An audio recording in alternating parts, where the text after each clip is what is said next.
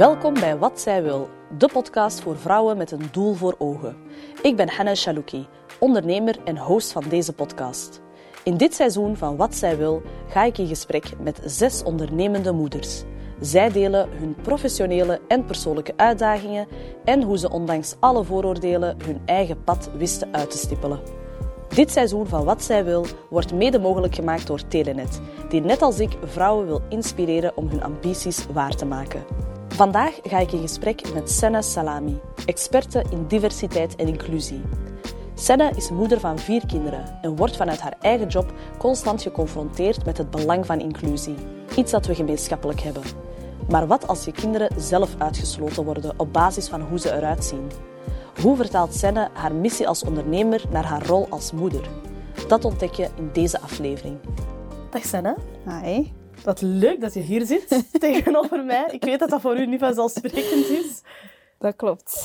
het is voor mij, uh, ja, dit soort dingen is voor mij toch altijd heel erg ongemakkelijk. Een beetje uit mijn comfortzone. Ja, ja. maar soms is dat wel leuk, toch? Ja, ja. Vooral als ik een, een, goede host voor me heb. Dus oh, dat is, dat is wel, ik, ik, ik spreek zo graag met jou buiten podcastopnames. En dan dacht ik, het is, zou echt leuk zijn om Senna ook eens in een stoel tegenover mij te hebben. Ja. in plaats van op de koffie. Maar ik ben blij dat je hier bent. Ja, ik ook. Top. Ik wil heel graag alles horen wat jij te vertellen hebt, vooral over inclusie, want jij werkt rond inclusie. Ja. Um, maar dat heb je niet altijd gedaan. Mm -hmm. Waar is jouw carrière begonnen? Um, waar mijn carrière begonnen is, het is altijd zo moeilijk, hè? omdat heel veel mensen zeggen van ja, is het behalen van een doctoraat een carrière, ja of nee?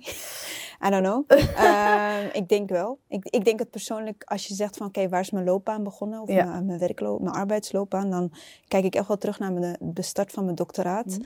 Uh, omdat je daar toch wel aan de ene kant onderdompeld wordt in nog steeds, ja, je moet nog steeds studeren. Aan de andere kant uh, leer je de academische wereld ook op een hele totaal andere manier kennen. Toch ook wel pittig. Uh, dat is zeker heel pittig geweest. Uh, dus ik denk dat het echt vanaf daar werkelijk mijn start is geweest. Ik heb daar heel veel dingen geleerd, heel veel dingen ook gezien. Mm. Heel veel dingen ook gezien waarvan ik dacht van, hmm, wil ik dit wel verder?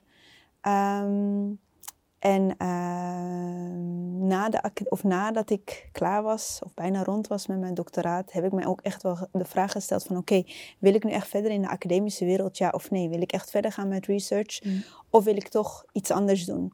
Uh, en heb ik toch wel beslist om iets anders te gaan doen. Um, ik ben dan uh, voor een publieke organisatie gaan werken, um, waar ik uh, coördinator was van ja, een heel chic woord eigenlijk daarvoor, voor van een stel structureel concurrentievermogen. Maar wat de bedoeling was eigenlijk dat wij, um, uh, of dat ik, uh, verschillende dossiers die binnen dat domein vielen, daar verantwoordelijk voor was, samen met uh, een, aantal mede, een aantal collega's van mij. Um, en wij waren eigenlijk de bemiddelaar tussen de sociale partners. Dus aan de ene kant de werkgeversorganisatie en de vakbonden. Ja. Um, ik heb dat heel graag gedaan. Uh, niet zo voor een hele lange tijd, voor drie jaar. Uh, waarom? Omdat ik daar toch wel merkte, ja, je gaat het doorheen het gesprek ook wel merken, maar ik ben wel iemand die uh, keihard impact wil nastreven. Mm. En impact wil realiseren. En ja, impact is zo'n heel, je zou zeggen, heel leeg begrip. Tegenwoordig iedereen... Ja, iedereen wil impact, ja, natuurlijk. En, maar ik wilde veel meer impact dan enkel en alleen vanuit de hoge, Mm. ja, van de hoge toren. En zeggen van, oké, okay, dit moeten we veranderen, dat moeten we wijzigen. Die wetsvoorstel moet daar, et cetera. En um, dan heb ik eigenlijk de beslissing gemaakt, of de overstap gemaakt... Um, naar de commerciële sector. En daar ben ik dan uh, voor een bureau, bij een bureau gestart... om me echt wel in te zetten um, voor inclusie en diversiteit... Mm. Um, omdat ik echt wel het gevoel had van er is zoveel werk.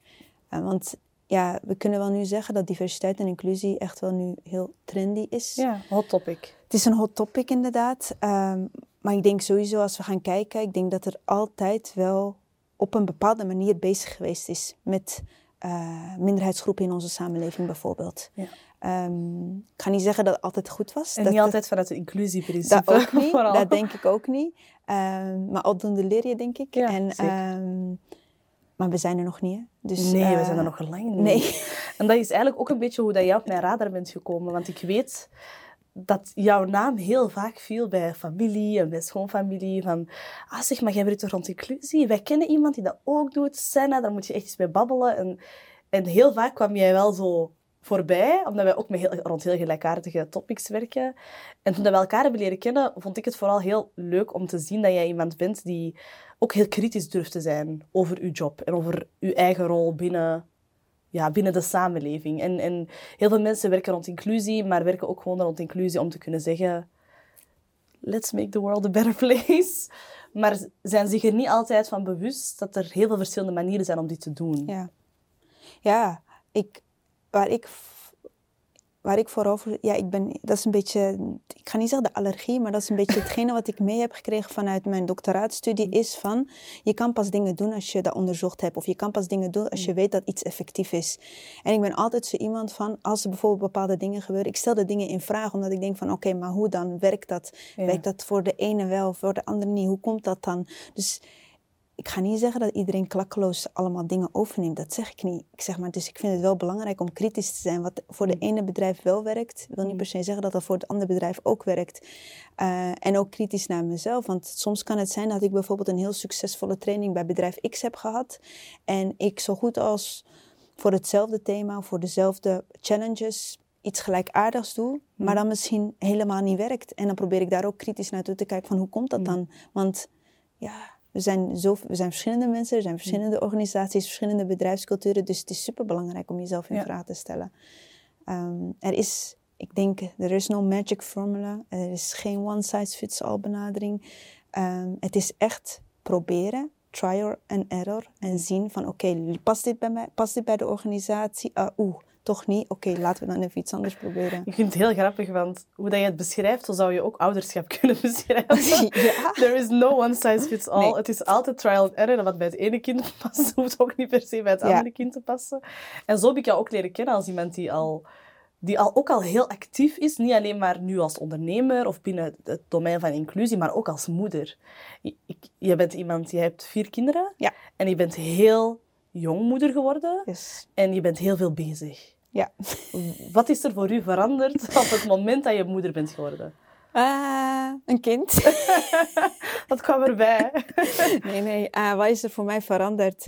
Uh, ja, ik was heel jong moeder. Ik, om een beetje situatie te schetsen. Ik was 19 toen ik moeder werd. Ik zat in mijn eerste bachelor van sociologie aan TUNIF. Ik heb nog een examen gehad met mijn prof van sociologie mondeling examen en die had niet eens aan mij gezien dat ik zwanger was. Dat was echt, dat vergeet ik nooit. Maar uh, ja, zwanger, bevallen van mijn eerste kind op mijn negentiende. Ik had, uh, ik denk, een tweetal herexamens.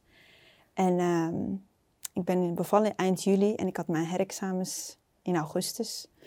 Ik zat ik daar in de nacht. Je bent die gaan afleggen, die herexamens? Ja, ja. Ah, oké. Want in mijn hoofd was het al, ja, laat nee, nee. maar. ik was borstvoeding aan het geven en ik, kijk zo, ik had de volgende dag Frans, want Frans is absoluut niet mijn sterkte en nu nog steeds niet. Ik heb me daar ook bij neergelegd. um, helaas, in het tweetalig land, maar ja. Ja, wat krijg je dan? Uh, en ik zei, kijk, kijk ik, mijn man was op dat moment ook wakker en ik had echt zoiets van, hoe ga ik dit doen? Hoe ga ik een kind grootbrengen hmm. terwijl ik aan het studeren ben?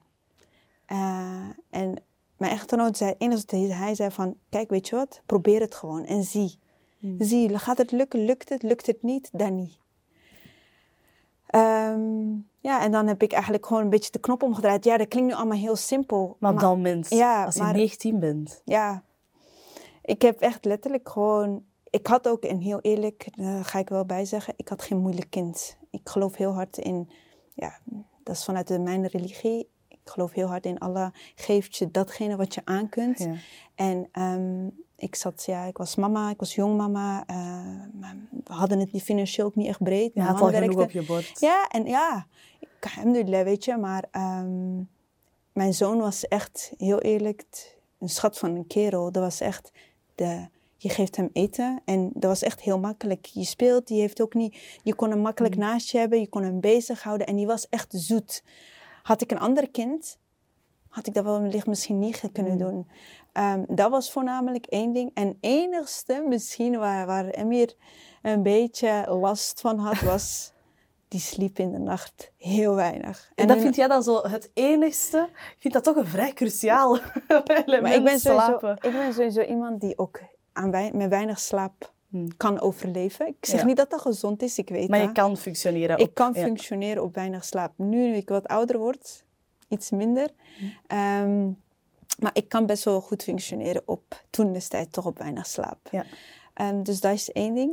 Ehm, dus ja. En dan ben je daaraan begonnen, aan die studie. Je hebt die studie dan afgewerkt, maar je hebt ondertussen nog kinderen gekregen. Ja. En dan heb je je doctoraat gedaan. En Ja. hoeveel kinderen had je toen? Eh, toen aan mijn start van mijn doctoraat had ik er twee, maar aan het einde van mijn doctoraat had ik er vier. Had je er vier. ja.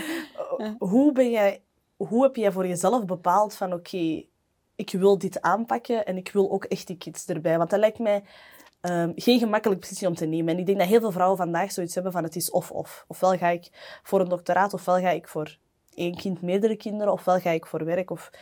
We, we, we hebben altijd zoiets van ja, kiezen, kiezen is verliezen, maar je hebt het gewoon allebei gedaan. Ik had dat minder. Ja, het is echt gek, misschien wat ik Ja. nu ga zeggen, maar ik had niet zoiets van: oké, ik ga nu voor mijn doctoraat en, ehm, en ik moet kiezen tussen ofwel nog een extra kind ofwel niet. Ehm, en opnieuw, echt waar, ik had twee hele gezonde kinderen. Ik mocht echt niet klagen. Ik, mocht, e- ik hoefde echt niet te klagen over mijn kinderen. Ja. Het was niet van dat mijn kinderen bepaalde noden hadden. Ja, bepaalde... Ik had twee gezonde kindjes die heel goed mee konden. Die, ehm, en ja, dan was het voor ons, voor mij en Mohammed, eigenlijk van... Het was ook redelijk te combineren met mijn doctoraatstudie. Mooi. Ehm, ik denk persoonlijk, maar misschien ga ik daarop afgeschoten worden. Ik denk dat studeren voor mezelf Hm. makkelijker te combineren was dan Ja. werk. Want waarom? Met, toen ik aan mijn doctoraat bezig was, ik kon mijn tijd zelf inplannen. Als ik geen Ja. meetings had met mijn promotor of wat dan ook, als ik bijvoorbeeld die dag een zieke zoon had of een zieke dochter Mm. had, dan had ik kunnen zeggen van oké, ik werk nu even niet totdat dat mijn kind in, in bed ligt en dan werk ik in de avond wel wat langer door. Ga ik zeggen dat dat niet slopend was? Jawel, dat was slopend. En je kon dat ook niet heel lang volhouden. Maar er waren ook momenten, momenten in de week van oké, mijn dochter of mijn zoon heeft het nu eventjes, of ik moet op school zijn eh, voor een of andere activiteit. Dan maakte ik daar tijd voor. Dan Ja. was ik veel, ik ga heel eerlijk zeggen, toen destijds was ik daar veel flexibeler in dan nu. Het einde, het einde van de rit met je doctoraat, je moest gewoon werken aan je onderzoek en je sprak met je promotor een bepaalde datum af waarop je dan je werk moest afleveren. En soms had je een writersblok, dan was het zo'n beetje, dan kon je je daar enorm aan irriteren, maar dat is anders. Anders dan wanneer jij werkt voor een, bijvoorbeeld een reclamebureau waar je constant op Ja, rood zit. Waar constant de ja, dat is totaal anders. Dus ja, dat was voor mij wel gewoon makkelijker dan ehm, toen in die tijd. Ja. Was je een onzekere moeder? Ehm, ik was, ik denk, op sommige momenten ben ik, ben, denk sowieso, moederschap is niet gemakkelijk. En op sommige momenten ben ik heel erg onzeker geweest. Voornamelijk ook de combi tussen ehm, gezin en werk. Omdat dat is gewoon niet altijd evident. Dat is niet gemakkelijk. En soms bot je tegen muren en soms is het te veel. Soms, ik heb ook momenten gehad hè, dat ik in de auto zat en dat ik gewoon echt keihard aan het, aan het huilen was van hoe ga ik dit in hemelsnaam Ja. overleven. Ehm, dus ja, ik, en ook wanneer ik ook bijvoorbeeld onzeker was en vooral, voornamelijk de twijfelde over mijn rol als moeder, maar mijn rol ook als ehm, werkende vrouw. Was voor, als er bijvoorbeeld iets op school gebeurde en dan dacht ik altijd mezelf, oh, dat komt omdat ik veel te veel werk. Dat komt daardoor. Ah, Zo'n guilt. Ja. Kan je daar een voorbeeld van geven? Eh, oh, dan moet ik... ehm, Dat er zoiets gebeurt op school of zo? Of dat een van de kinderen het heeft uitgehangen? Ja, nee, ik, ik denk dat ik eh, bij, ehm, bij mijn oudste zoon, dus op hele jonge leeftijd, mijn oudste zoon stottert. En ehm, ik had het wel een klein beetje door, maar niet helemaal. Helemaal door. En eh, op een gegeven moment sprak de juffrouw mij aan, fantastische juf trouwens. Ze was echt heel jong. En ik denk dat hij net naar school ging en die zei: Ik heb het gevoel dat, dat Emir stottert. Eh, en ik denk dat het belangrijk is dat we daarop letten en eventueel een logo eh, moeten inschakelen. Op dat moment dacht ik, hoe dan? Ik heb dat niet kunnen zien. Waarom? Hoezo zag ik dat niet? Hoezo wist ik? Ik had wel een voorgevoel, maar dat was puur gewoon omdat je het niet kent. Je herkent de signalen niet, je weet het niet. ook. Maar ja, dan denk je, hoe heb ik dat niet gezien? Was ik te veel met mijn werk bezig? En dat zijn van die dingen waarvan ik zo, ja, over dat soort dingen werd ik wel. Ja, terwijl het eigenlijk... Dat is echt belachelijk, hè? Want wij weten dat achteraf, denk ik, dat je het wel beter kan inschatten van... Ja, ik moest mij daar eigenlijk niet schuldig over voelen, want ik kan daar niks aan doen. Of, of, en ik had het eigenlijk wel door. Maar op zo'n moment kun je toch heel snel zo echt een slechte moeder voelen. Ja, en ik denk vooral bij je eerste. Ik Ja. denk dat de druk, echt waar, als ik zo kijk, als je je eerste kind hebt, de druk vanuit jezelf is gewoon heel groot. Mm. De druk vanuit je omgeving kan je als groot ervaren. Ehm, terwijl dat, ik vind dat persoonlijk, als je zo je tweede of je derde of je vierde In jouw geval. heb je, dan, ja, dan, je bent dan zo zekerder als er dan eens een keer iets gebeurt, als er dan is iemand ergens tegenaan botst of weet ik, en dan heb je zoiets van, oké, ja, rustig, we got this figured out. Ja, Maar zo bij de eerste, je wil alles goed doen. je wil alles perfect Alles. doen. En ik was een jonge mama, dus ik probeerde ook heel veel te luisteren naar mijn omgeving. Ehm, en dan wil je alles zo juist mogelijk doen. En als ik Ja. dan soms nu dingen hoor, bijvoorbeeld van mijn broers, die zeggen dan, ja, weet je nog toen je dit deed? Dan denk ik echt, nee, zo was ik helemaal niet. Wat deed je dan? Goh, ik was zo ehm, bij, mijn jong, bij mijn oudste zoon. eh, mijn oudste zoon was een, een redelijk groot kind. Of tenminste, groter dan gemiddeld. Bij de geboorte woog hij 4 kilo 200. En ehm, eh, dus hij, die zat, als wij gingen naar, de, naar kind en gezin, die was altijd boven het gemiddelde. Ja. Maar die jongen, die at ook gewoon heel graag. Die eet nog steeds heel graag. Eh, maar die, en altijd kreeg ik van kind en gezin... Ja, we moeten oppassen dat uw Mm. kind niet... eh, ehm, Dat hij zo geen obesitas ja, ontwikkelt niet zo of zo. obesitas. En ik had echt zo... Ik vond dat zo confronterend. Ik had echt zoiets van... Maar ik probeer echt wel mijn best te doen. Dus ik ging heel streng zijn of strenger zijn naar Emmy toe. Van als mijn broertjes dan wel eens eh, een keer, ik zeg maar wat, een koekje wilden geven toen het mocht. En dan zei ik, nee, nee, nee, hij mag dat niet. nee. En dan, en dan zijn van die, van die dingen. En dan zeiden ze van, je was echt dan nu van ja, die, dat kind mocht niks. Op een gegeven op een- Ja. vanaf het moment dat hij het mocht. En dan zei ik, nee, zo was ik helemaal niet. Maar ik kan me dat wel heel goed voorstellen. dat ik echt zo... Want je wilt zo goed mogelijk doen. En ehm, terwijl achteraf gezien, denk ik... Als ouder moet je daar ook gewoon een gezonde balans in zoeken. Je hoeft niet alles letterlijk over te nemen van... Nee, maar als, je, als bij je eerste kind Ja. is dat gewoon heel moeilijk. Ja. Want je kan het allemaal niet goed inschatten. Nee. En jij bent, jij bent een van de eerste die mijn boek heeft gelezen. En ik weet dat je zei van, er zijn sommige dingen die ik erin herkende, maar ook sommige niet. En ik kan me inbeelden dat ik, dat ik zelf nog maal tien qua onzekerheid was tegenover jou. En jij was nog veel jonger. Dus ik vind wel, als het gaat... Want je zei, je zei net ook zelf van... De druk van anderen kan je ervaren als iets zwaar. Ik heb dat ervaren als redelijk zwaar. Maar ik, ik heb wel het gevoel dat jij zo sterker in je schoenen stond. Goh, ik weet het niet. Eh, ik ik ehm, nam het advies van anderen echt wel ten harte. Maar ik wist ook, en dat is een beetje eigen aan het beestje, ik wist ook wel wat ik zelf wilde. Van oké, Ja. dit is wat ik wil voor mij. Ik nam zeker wel andere, andermans advies. En ook als er iets was, ik belde. Ik had mijn schoonmoeder wonen, heeft te letten. Wij hebben tien jaar naast mijn schoonouders gewoond. En mijn schoonmoeder was de eerste, als er bijvoorbeeld iets was met Emir, dat was de eerste, ook al was het bij wijze van midden in de nacht. Ik kon haar bellen en ik kon met Emir langs gaan en dan kon ik checken, oké, moet ik nu naar het ziekenhuis of moet ik nu niet naar het ziekenhuis? Ja. Dus daar had die luxe had Mm. ik. Eh, dus om mijn onzekerheden die ik had, ik kon die aftoetsen. En, en dan is het dan bij mezelf van, oké, wat doe ik daar nu mee? En Mm. soms werd het ook gewoon van, rustig, er is niks ernstig. Mm. Ehm, dus ja, maar opnieuw, ik, ik denk altijd, weet je, we ja, ik weet niet. Ik denk altijd, ik heb gezonde kinderen, zolang er niet echt, echt iets ergs mankeert. Ça va. Ça va. Ja, dat snap ik wel. Dus ja, Je werkt elke dag rond inclusie. yes. Dat heeft ook een impact op de kinderen. Want jij ziet ook jouw kinderen opgroeien in een bepaalde samenleving. Met de identiteit die ze hebben, met de namen die ze hebben, met hoe ze eruit zien. Ehm, ik maak mij heel vaak zorgen. Niet heel vaak, maar ik maak mij genoeg zorgen, zeg maar. Ehm, omdat ik altijd denk, ik hoop dat mijn zoon niet, wordt, niet de dingen moet meemaken die ik heb meegemaakt. Bijvoorbeeld op school, op de lagere school of op de kleuterschool. Ehm, en ik merk wel dat mijn werk rond inclusie, dat ik heel vaak zo die, die klik maak van... Ah, ik hoop echt dat hij dit niet moet meemaken. Of ik hoop dat hij hier niet mee geconfronteerd wordt. Hoe ga jij er zelf mee om? Want je hebt, ja, je hebt vier kinderen. Dat lijkt mij toch ook niet gemakkelijk. Ja, een van de dingen die ik meestal tegen mijn, eh, tegen mijn oudere kinderen ook zeg, is om hun, omdat zij weten waar ik mee bezig ben, is kijk, en dat is heel optimistisch denk ik altijd, maar ik zeg altijd tegen hun, kijk, ik doe dit werk zodat jullie niet, wat jij net ook zegt, zodat jullie niet tegen dezelfde muren moeten botsen als waar ik tegenaan ben gebotst. Gaat dat zijn? Ik weet het niet. Ik weet het echt niet. gaan zij geconfronteerd worden met bepaalde dingen? Vast wel.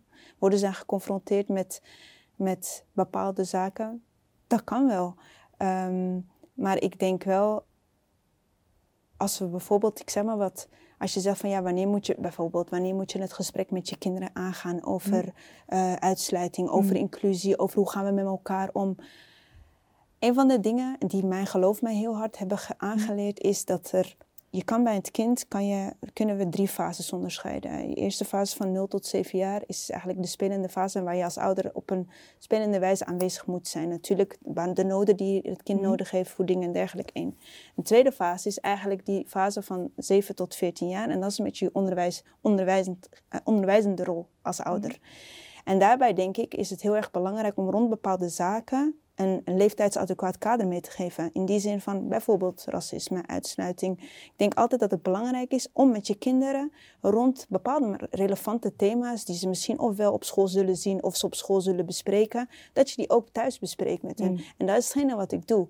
En ik ga niet zeggen, want natuurlijk, het ene kind is het andere kind niet. Mm. Ehm, ik heb bijvoorbeeld een zoon, uh, mijn tweede zoon, Shakir die, stelt heel, die heeft heel veel dingen in vraag gesteld. en dat is niet erg, want uh, mijn oudste zoon veel minder. Maar mijn tweede, toen, die heeft mij ook geconfronteerd met bepaalde hele moeilijke vragen. Maar ik vond dat wel fijn, want ik had zoiets van... Oké, laat je, je hebt je een eye-opener voor mezelf. Oké, laten we het daar dan over hebben. Het is niet van oké, en nu gaan we... Zo ben ik weer... Heel mm. veel mensen zijn... Ik ken een aantal mensen die echt zo ervoor hebben gekozen om um, thematisch met hun kinderen rond, elke week rond een ander thema thuis te werken. Dat is, ik vind dat een fantastisch concept.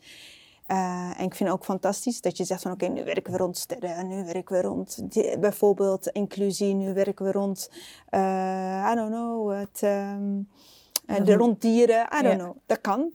bij ons kwam dat zo, ik probeer heel veel met mijn kinderen te praten. Ik probeer ook heel veel dingen, um, raakvlakken te zoeken wat ze meekrijgen op school. Ehm, maar mijn zoon Shakir heeft mij heel vaak gechallenged. heel vaak. Ook uh, in, op, in moeilijke zin. In die zin van, Shakir is iemand die um, bijvoorbeeld op zevenjarige leeftijd... en dat was voor mij echt aan de ene kant een hele... Um, heel kwetsend.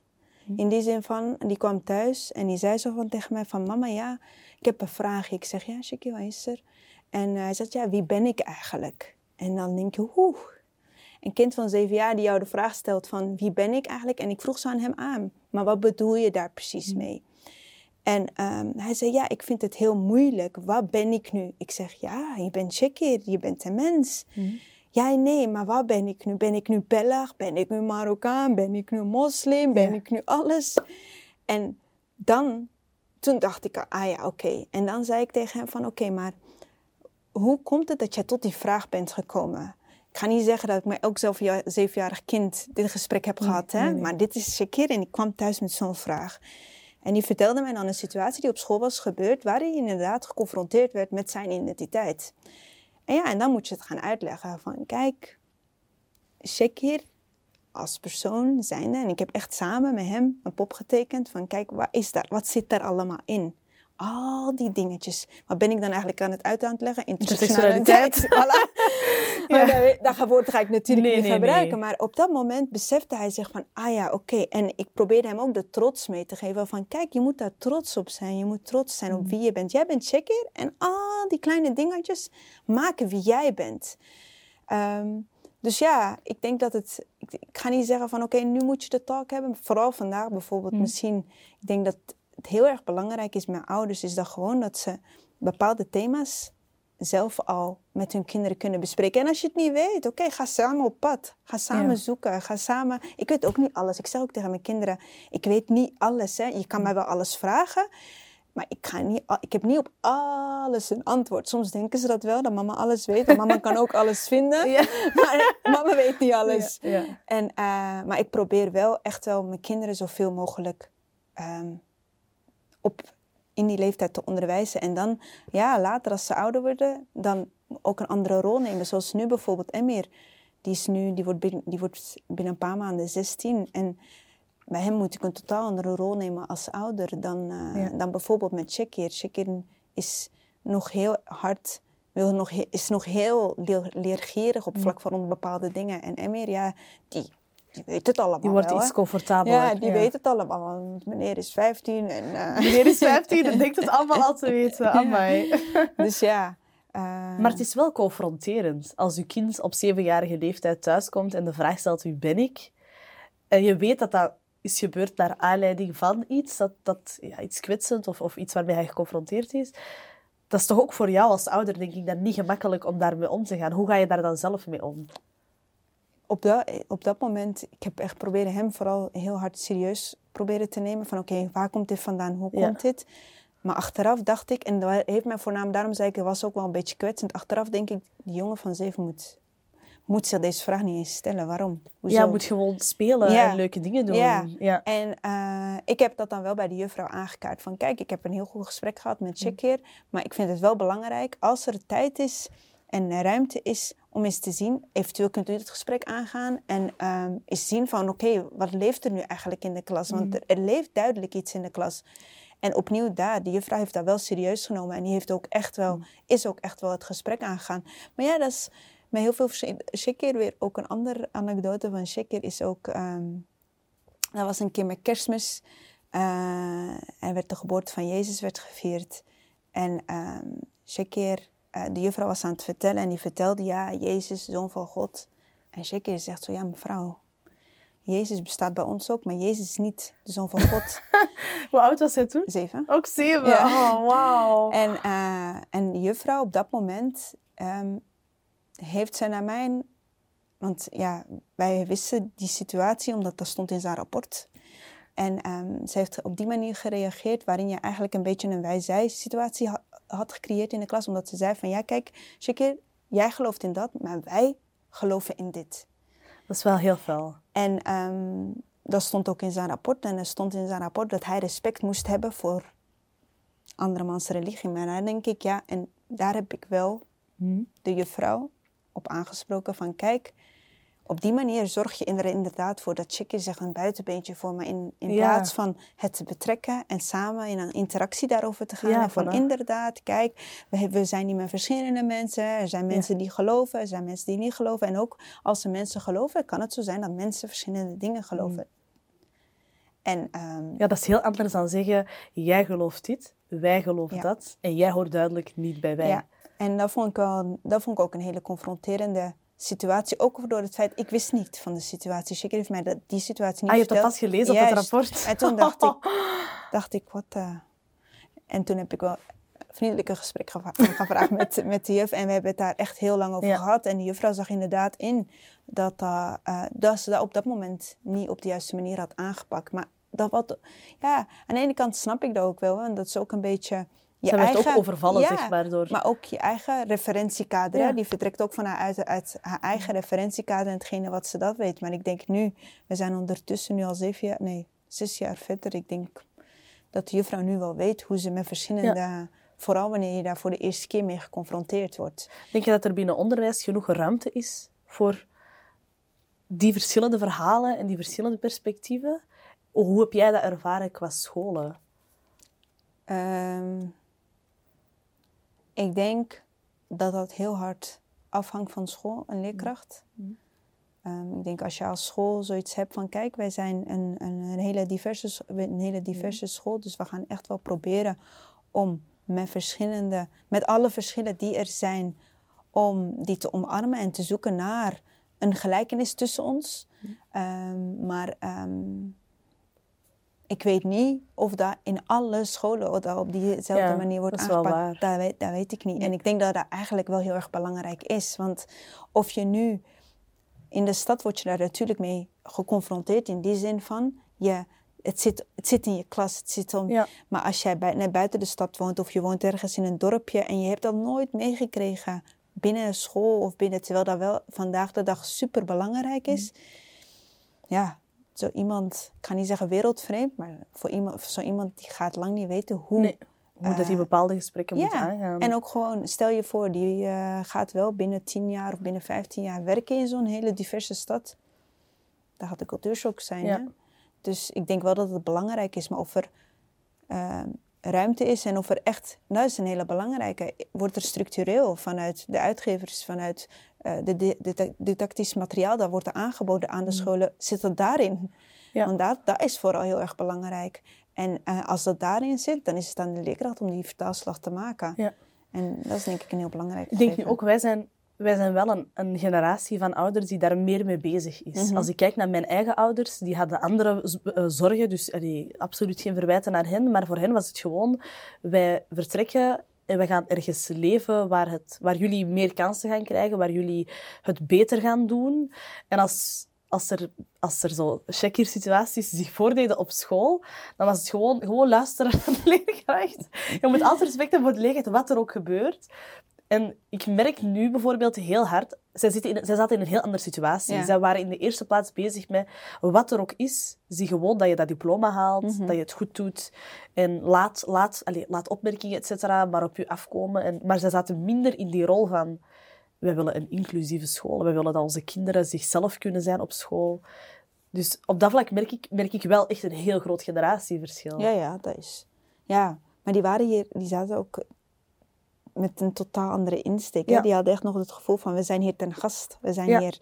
Uh, en dat is een totaal andere insteek. Ja, wij zijn hier geboren en getogen. Ja.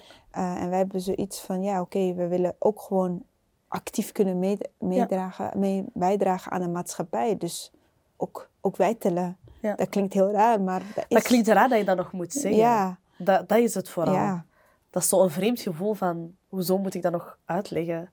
En ik ben onlangs uh, scholen gaan bezoeken om mij die in te schrijven. Want dus die gaat volgend jaar naar de kleuterschool.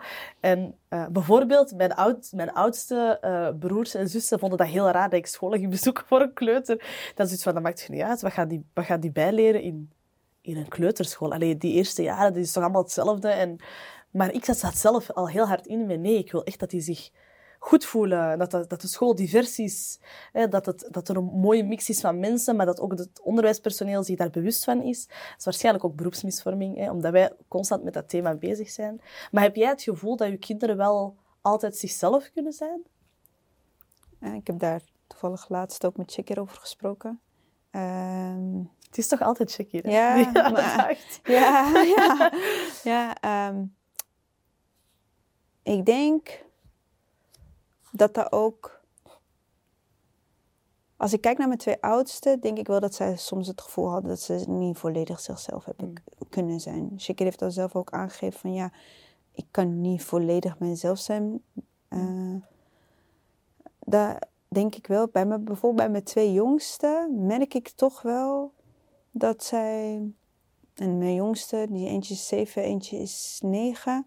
Ehm, die hebben daar, iets, die hebben daar geen moeite hmm. mee. Die voelen zich echt wel goed in de klas. Die voelen zich goed met hun vriendjes, met hun vriendinnetjes. Ja. Uh, die hebben daar echt, die ondervinden daar echt geen last van, merk ik. Um, maar ja, dat is opnieuw karakter, hè? Ja.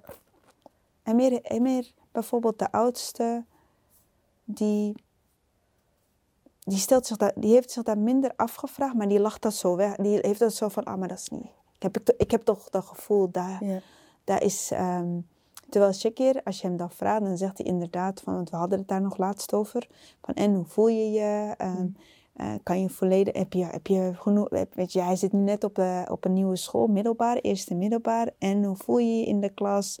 Hoe is het? En dit en dat. En dan, um, ja, dan zei hij van, ja, het is toch niet altijd gemakkelijk om volledig mezelf te kunnen Maar dat breekt toch ergens je hart? Ja, ja, ja, zeker. Het breekt zeker je hart. Ehm, en ik probeer nou, nou gewoon heel goed naar hem te luisteren. Wat mm. betekent dat dan eigenlijk? Want dat, wat, wat dat voor hem betekent, hoeft niet per se voor mij zo en ook niet voor jou. Dus dan probeer ik altijd naar hem te luisteren. Van oké, maar wat betekent dat nu eigenlijk voor jou?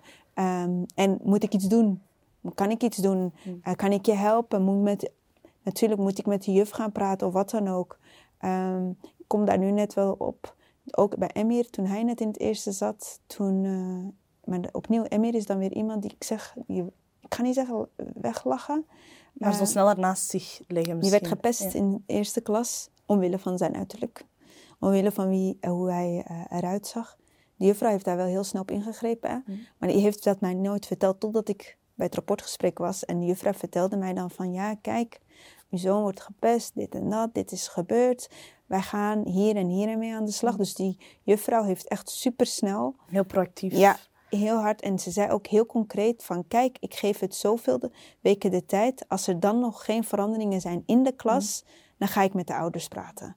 En dan vond ik van, wauw, fantastisch. Ja. Uh, en dat heeft echt, de, de, haar manier om dat incident dan aan te pakken, heeft echt zijn vruchten afgeworpen. Ja. Dus ja, het is echt, soms, je weet niet altijd alles van je kinderen. Nee. En ook opnieuw karakter. Uh, het ene kind vertelt iets sneller uh, Mm. dingen thuis dan het andere kind.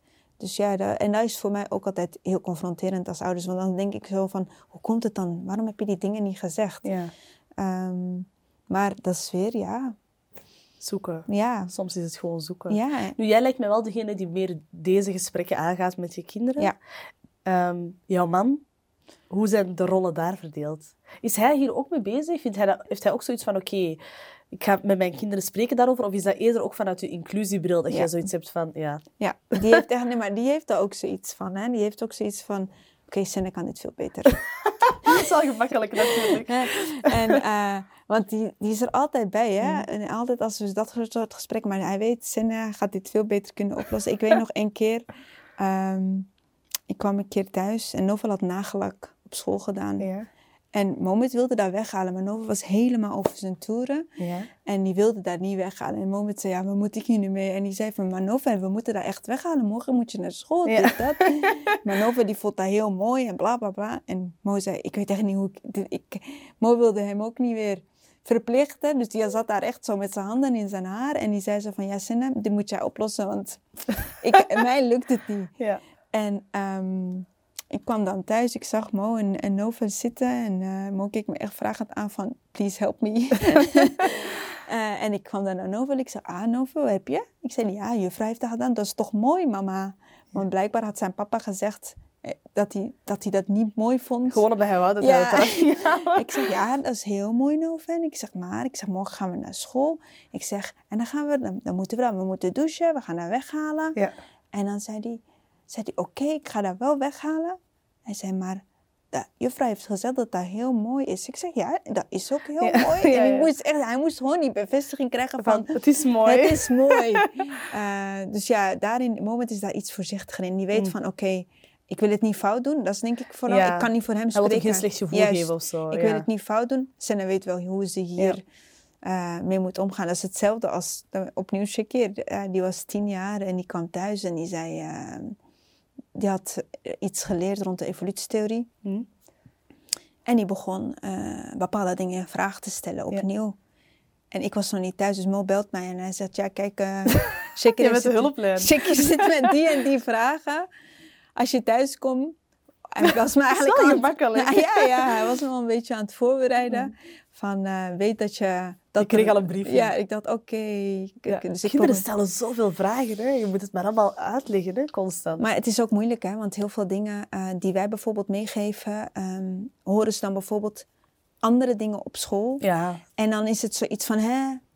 Hoe ja zit dat zij dan? er dan zo ook een beetje tussen hangen. Ja. Van ja, maar de juf zegt dit en Ja. wij leren thuis dit. Ja. En dat is toch ook soms echt zoeken. Ja, en Ja. dan moet je echt als ouder wel een pasklaar antwoord hebben. Mm. Of samen naar een pasklaar antwoord zoeken, Zoeken, want het is ja. niet altijd evident. Ehm, dus ja, En hun ook zo... ah, Ik denk, wat ook niet gemakkelijk is, is om hen aan te leren om met die verschillen om te gaan. En, en dat is allemaal oké. hè. Evolutietheorie bijvoorbeeld, ja. Sommige mensen eh, geloven dat dit is hoe dat de aarde is ontstaan enzovoort. Maar voor een kind kan ik me inbeelden dat dat heel snel verwarrend, verwarrend kan werken, want de juf liegt toch niet? dat is wat bij Shekin denk ik heel hard vaak Ja. eh, zoiets had van... Hm. Maar Shekin stelde ook gewoon heel hard ook zichzelf in vraag. Mm. Van dingen die... Maar de, ja, ehm, praten, praten, praten. Samen op zoek gaan naar antwoorden. Samen ehm, daarover discussiëren. Goed luisteren. Ja. naar hetgene wat, wat, ze- wat heeft hij nu te zeggen, wat zijn zijn twijfels. Eh, en niet dat zomaar van, als je, je mag dat niet, Ja, je of mag dat niet. Of, of Ja, je- ja. je- dat, dat soort dingen stel je niet in vraag. Ehm, nee, ik, en daar heeft mij voornamelijk met Chicky dan, eh, ik ben daar ook heel wijzer van geworden, want soms wist ik het ook niet en dan moest ik de dingen ook gaan opzoeken en me daarin gaan verdiepen. Ehm, en dan was het altijd, ja, Ze dagen u ook uit natuurlijk. Ja. Om zelf constant te moeten bijleren. Ja. En wat doet Mohammed dan beter dan jij? Ehm, moet ik even nadenken. nee, nee, dat is gewoon niet. de betere nee, ouder. Ja, nee. Ehm, gooi. Wat doet Mohammed beter? Ik denk... Hoe langer dat je Ja. nadenkt, hoe slechter is er Nee, nee, nee, helemaal niet. Maar ik denk dat... Ik denk, eh, Mo en ik zijn heel goed op elkaar afgestemd. Ja. Ehm, als ik zo'n beetje naar mijn kinderen luister, dan denk ik dat. eh, ik ben zo altijd degene die met de regels komt, laat ik het zo zeggen. Strenge mama. Ja, ja, volgens mijn kinderen kan ik soms wel wat strenger zijn, Mm. maar ik moet regels. ik- er zijn bepaalde regels die gewoon nodig zijn in het huis. Welke regels? Eh, ja, ik zeg maar wat, hè, zoals bijvoorbeeld opruimen, zoals bijvoorbeeld ehm, je huiswerk doen. En ik zeg ook, wij hebben zo'n streepjesysteem in ons huis. Wat is eh, een streepjes? Ja, een streepjesysteem is dus als ze bijvoorbeeld, ik zeg maar iets, hè, ehm, iets hebben, niet af hebben gemaakt voor school. Dan krijgen ze een streep. Dan ja. krijgen Het ze is echt een zo'n strafsysteem. Ja, een straf- en beloningssysteem. Want Ja, het is, ehm, als ze geen streep hebben gehaald, Mhm. dan ehm, krijgen ze een beloning aan het einde bijvoorbeeld van de maand of wat dan ook. Maar het helpt mij gewoon om hele zo onnodige discussies uit de weg te gaan. Ja. Zo echt zo van die onnozele discussies. Van eh, bijvoorbeeld mijn oudste zoon, echt waar, dat is altijd, en dat zal wel aan het puber liggen, maar het is altijd, ik zeg tegen hem, kijk, ik ga je niet wakker maken. Je moet zelf je wekker zetten. Ja. Net zoals dat je voor voetbal kan opstaan, kan je ook voor school opstaan. en, eh, en dan zou elke keer is het toch wel weer, sta je weer aan die deur en weer opstaan. En dan ben ik heel één week heel consequent. Oké, wil je niet opstaan? Oké, dan krijg je een strip. Heel simpel. Een simpel systeem. Geen discussie. En, dan, en die wilde dat dan niet. En dan dacht hij, oké, nee, nu moet ik, moet, ik moet ervoor werken. Hmm. Want anders dan, ja... ehm, en dan, ja, dat hielp. Op een gegeven moment waren daar geen strepen, omdat hij gewoon op tijd kon opstaan. Klaar. Dus nu weer, zijn we er weer in hervallen. Maar, eh, Daar werken we nog eh, aan. maar misschien even terug te komen op Ja, Mohammed. jij bent de strenge regels. ja, ik ben de, ja, volgens mijn kinderen ben ik de, de meer de regeltjes. Mhm. Eh, en ja, er moet ehm, voor mij toch ook wel. Ik kan niet het huis in mijn eentje runnen, dat gaat niet. Hoe leven verdelen allemaal- jullie die rollen? Ja, we verleven al. Ik zei ook tegen mijn kinderen, inclusief mijn kinderen, niet alleen mijn man en ik, maar nee. wij, wij leven allemaal in, dat hui- in dit huis of in ons huis. Mhm. En we hebben allemaal een bepaalde verantwoordelijkheid. Ehm, dus bijvoorbeeld, ik zeg maar wat. ehm, ik ben nu even aan het nadenken hoor. Ehm, mee helpen opruimen, de vaatwasser legen. Echt zo van die standaard dingen. Ja. Dat verdelen we onder elkaar. Iedereen moet zijn steentje doet zijn dingen. Als 's ochtends ook, als jij klaar bent met, je, met ontbijten, dan zet jij je spullen in de, de vaatwasser. Heel simpel. Mm. Eh, want anders is het gewoon chaos. Ja. Ja, en Maar wat dan als er chaos is? Dus bijvoorbeeld, eh, jij, bent, jij onderneemt, je doet heel veel dingen, je kids hebben allerlei activiteiten, eh, je man werkt. Hoe ga je om met onverwachte gebeurtenissen?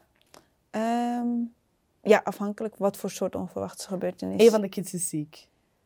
Eh, als een van de kids ziek is, dan is het echt... Meestal worden we allebei gebeld, de Ja. ouders. Zowel de moeder als de vader. En dan is het echt wie de eerste. Dat is al een goed begin. Nee, maar dat is echt, allebei hè? opbellen. Dat is echt bij ons op school. We worden altijd allebei gebeld. En dan is het wie de eerste beschikbaar. is. beschikbaar... Of nee, ja, soms dan heb ik genomen. En dan breng ik Moment wel op de hoogte. Want Moment wordt dan ook gebeld.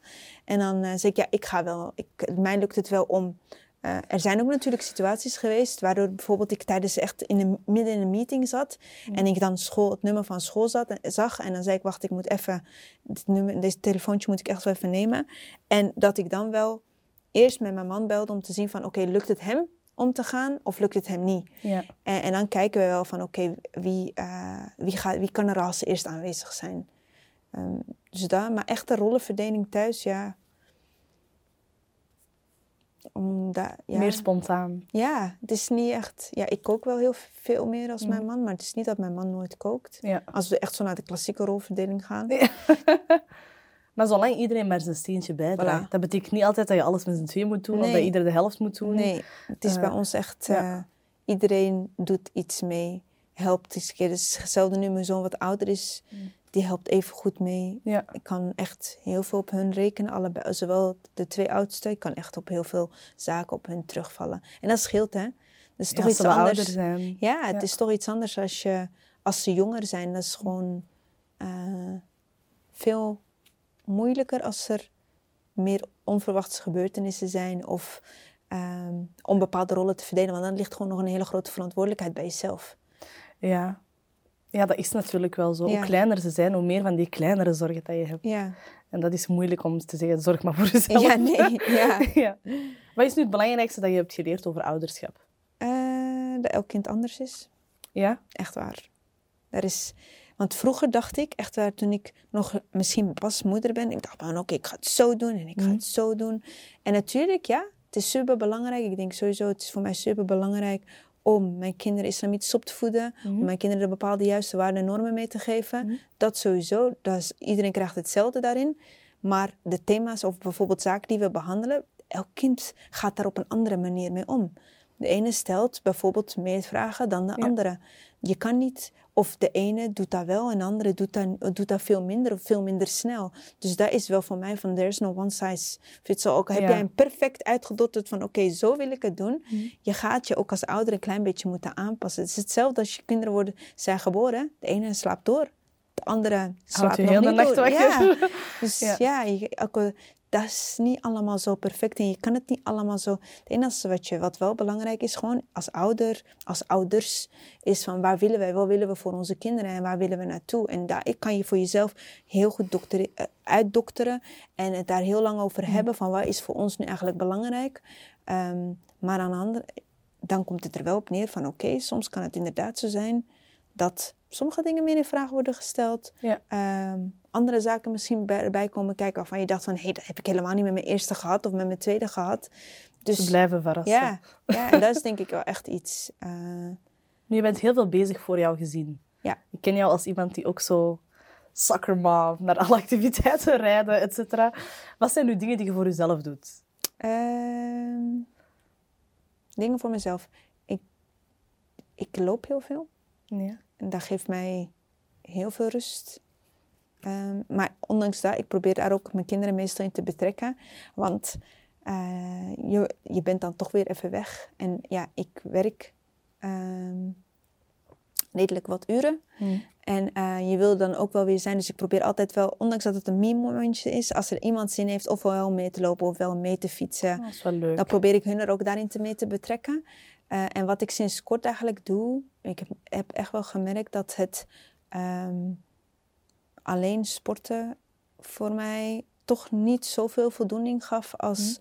eh, ik, ik had echt wel het gevoel dat ik iets miste ehm, en me niet meer zo genoeg voldoening gaf. Mhm. En dan ben ik wel echt sinds kort weer gewoon weer in groep beginnen te sporten. Ehm met Thai-fit aan het doen bij de sportstudio Ah, met een groep vrouwen. En dat is echt Pittig, denk ik. ja, fantastisch. Ja? Echt waar, heerlijk.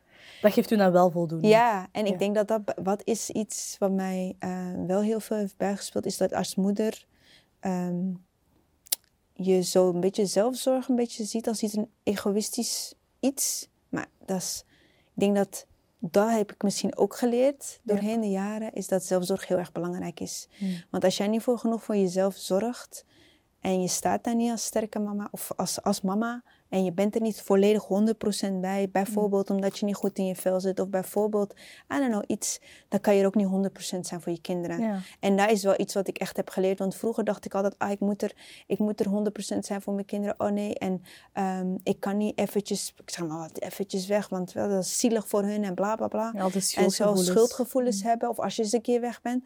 Maar nu denk ik, of ja, sinds een aantal jaar denk ik echt wel, het is ook echt wel belangrijk gewoon. En zelfzorg is breed, hè. Je kan bij wijze van, wat wij ook voor heel veel voldoening geven, is gewoon boeken lezen. Ik ben een boekenwurm. En dat geeft mij enorm veel rust. Dus ik denk dat dat ook echt wel iets, een learning voor mezelf is van...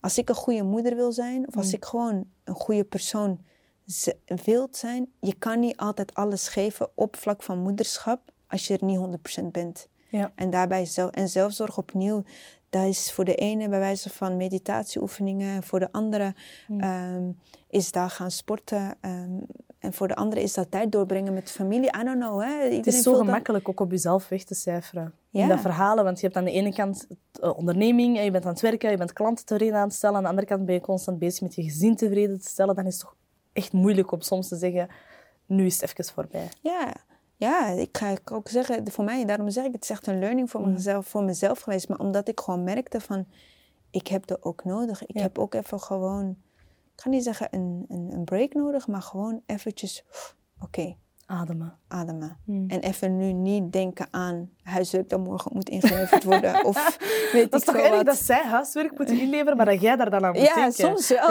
Ja, soms, bij de ene wat minder dan bij de andere.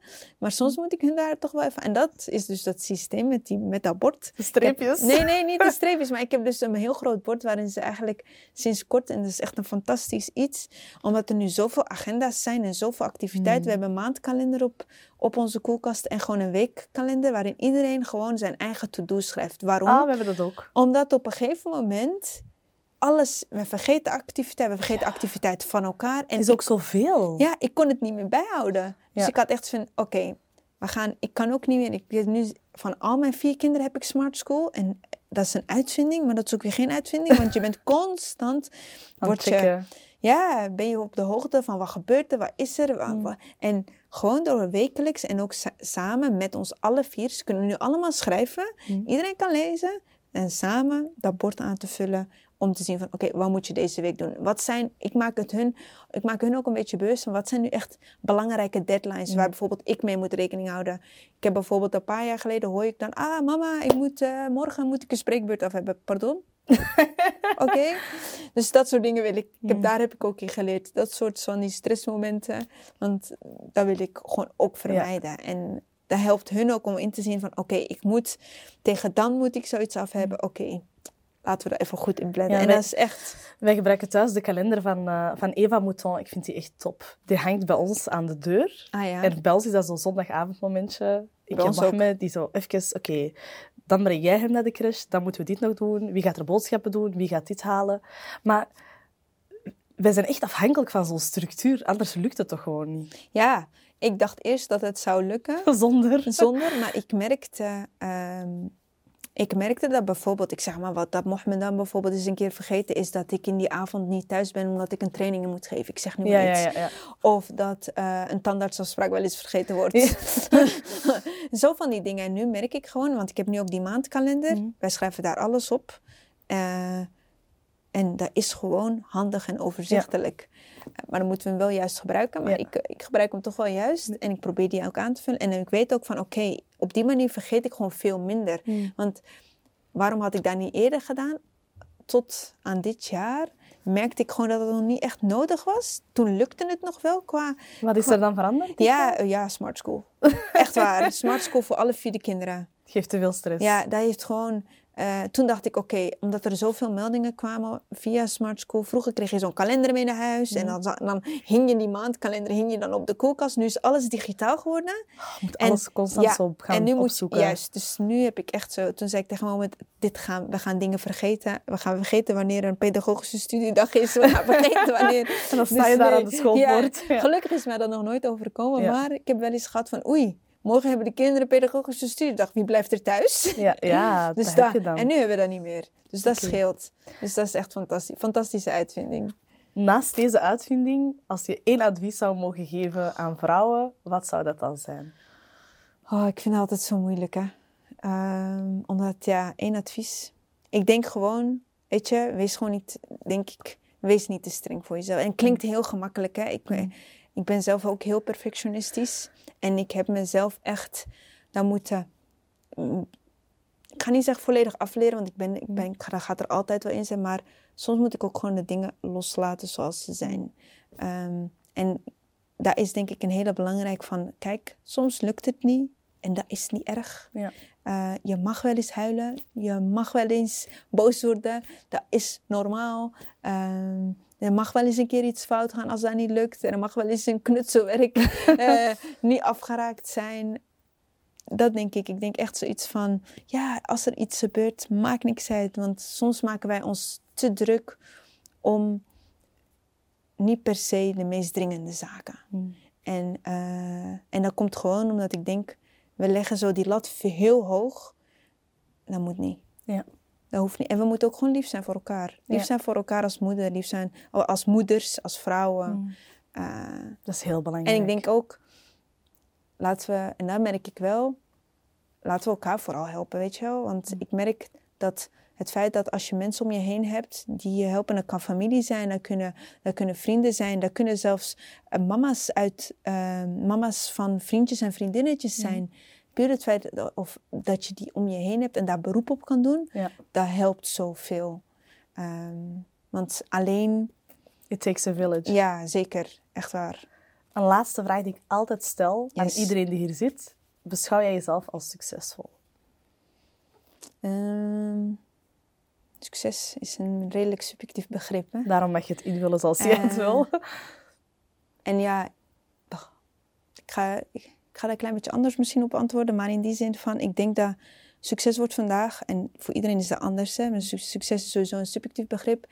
En vaak wordt succes heel vaak gelinkt of gere- gerelateerd aan materiële bezittingen Mm. of materiële zaken of een diploma hebben of wat dan ook. En als ik kijk, ik denk dat voor mij voornamelijk succes is, zou ik definiëren als hoe is mijn band tussen mij en Allah. Mm. En eh, wat heb ik gedaan om ervoor te zorgen dat mijn schepper trots op mij kan zijn. Ja. En als ik daar op een goede manier op kan antwoorden, dan ben ik pas succesvol. Dan is voor, dat is voor mij succes. Mooi. Maar vandaag de dag is daar nog een work on progress. Mhm. En is dag in dag uit van oké, wat kan ik morgen beter doen? Wat heb ik vandaag goed gedaan, maar wat kan ik morgen beter doen? Zo Eh, blijf je ook werken aan jezelf. Ja, voilà. Dus eh, dat is voor mij succesvol zijn. Mooi. Ja. Dankjewel, Senna. Alsjeblieft. Ik ben super blij dat ik jou heb kunnen overtuigen om hier te komen zitten tegenover mij met een vat vol wijsheid. Ik ben, eh, ik ben heel blij dat andere mensen dit ook gaan kunnen horen. Dankjewel, Senna. Merci, dankjewel voor de uitnodiging. Dit was Wat Zij Wil, een podcast in samenwerking met Telenet. Bedankt voor het luisteren. Vond je dit een boeiende aflevering? Laat dan zeker een review achter of stuur ons een berichtje via Instagram, at Wat Zij Wil podcast. Wil je meer weten over hoe ik zelf het eerste jaar als moeder en ondernemer ervaren heb? Dan kan je dat lezen in mijn boek Impostermoeder. Tot de volgende keer voor een nieuwe aflevering van Wat Zij Wil.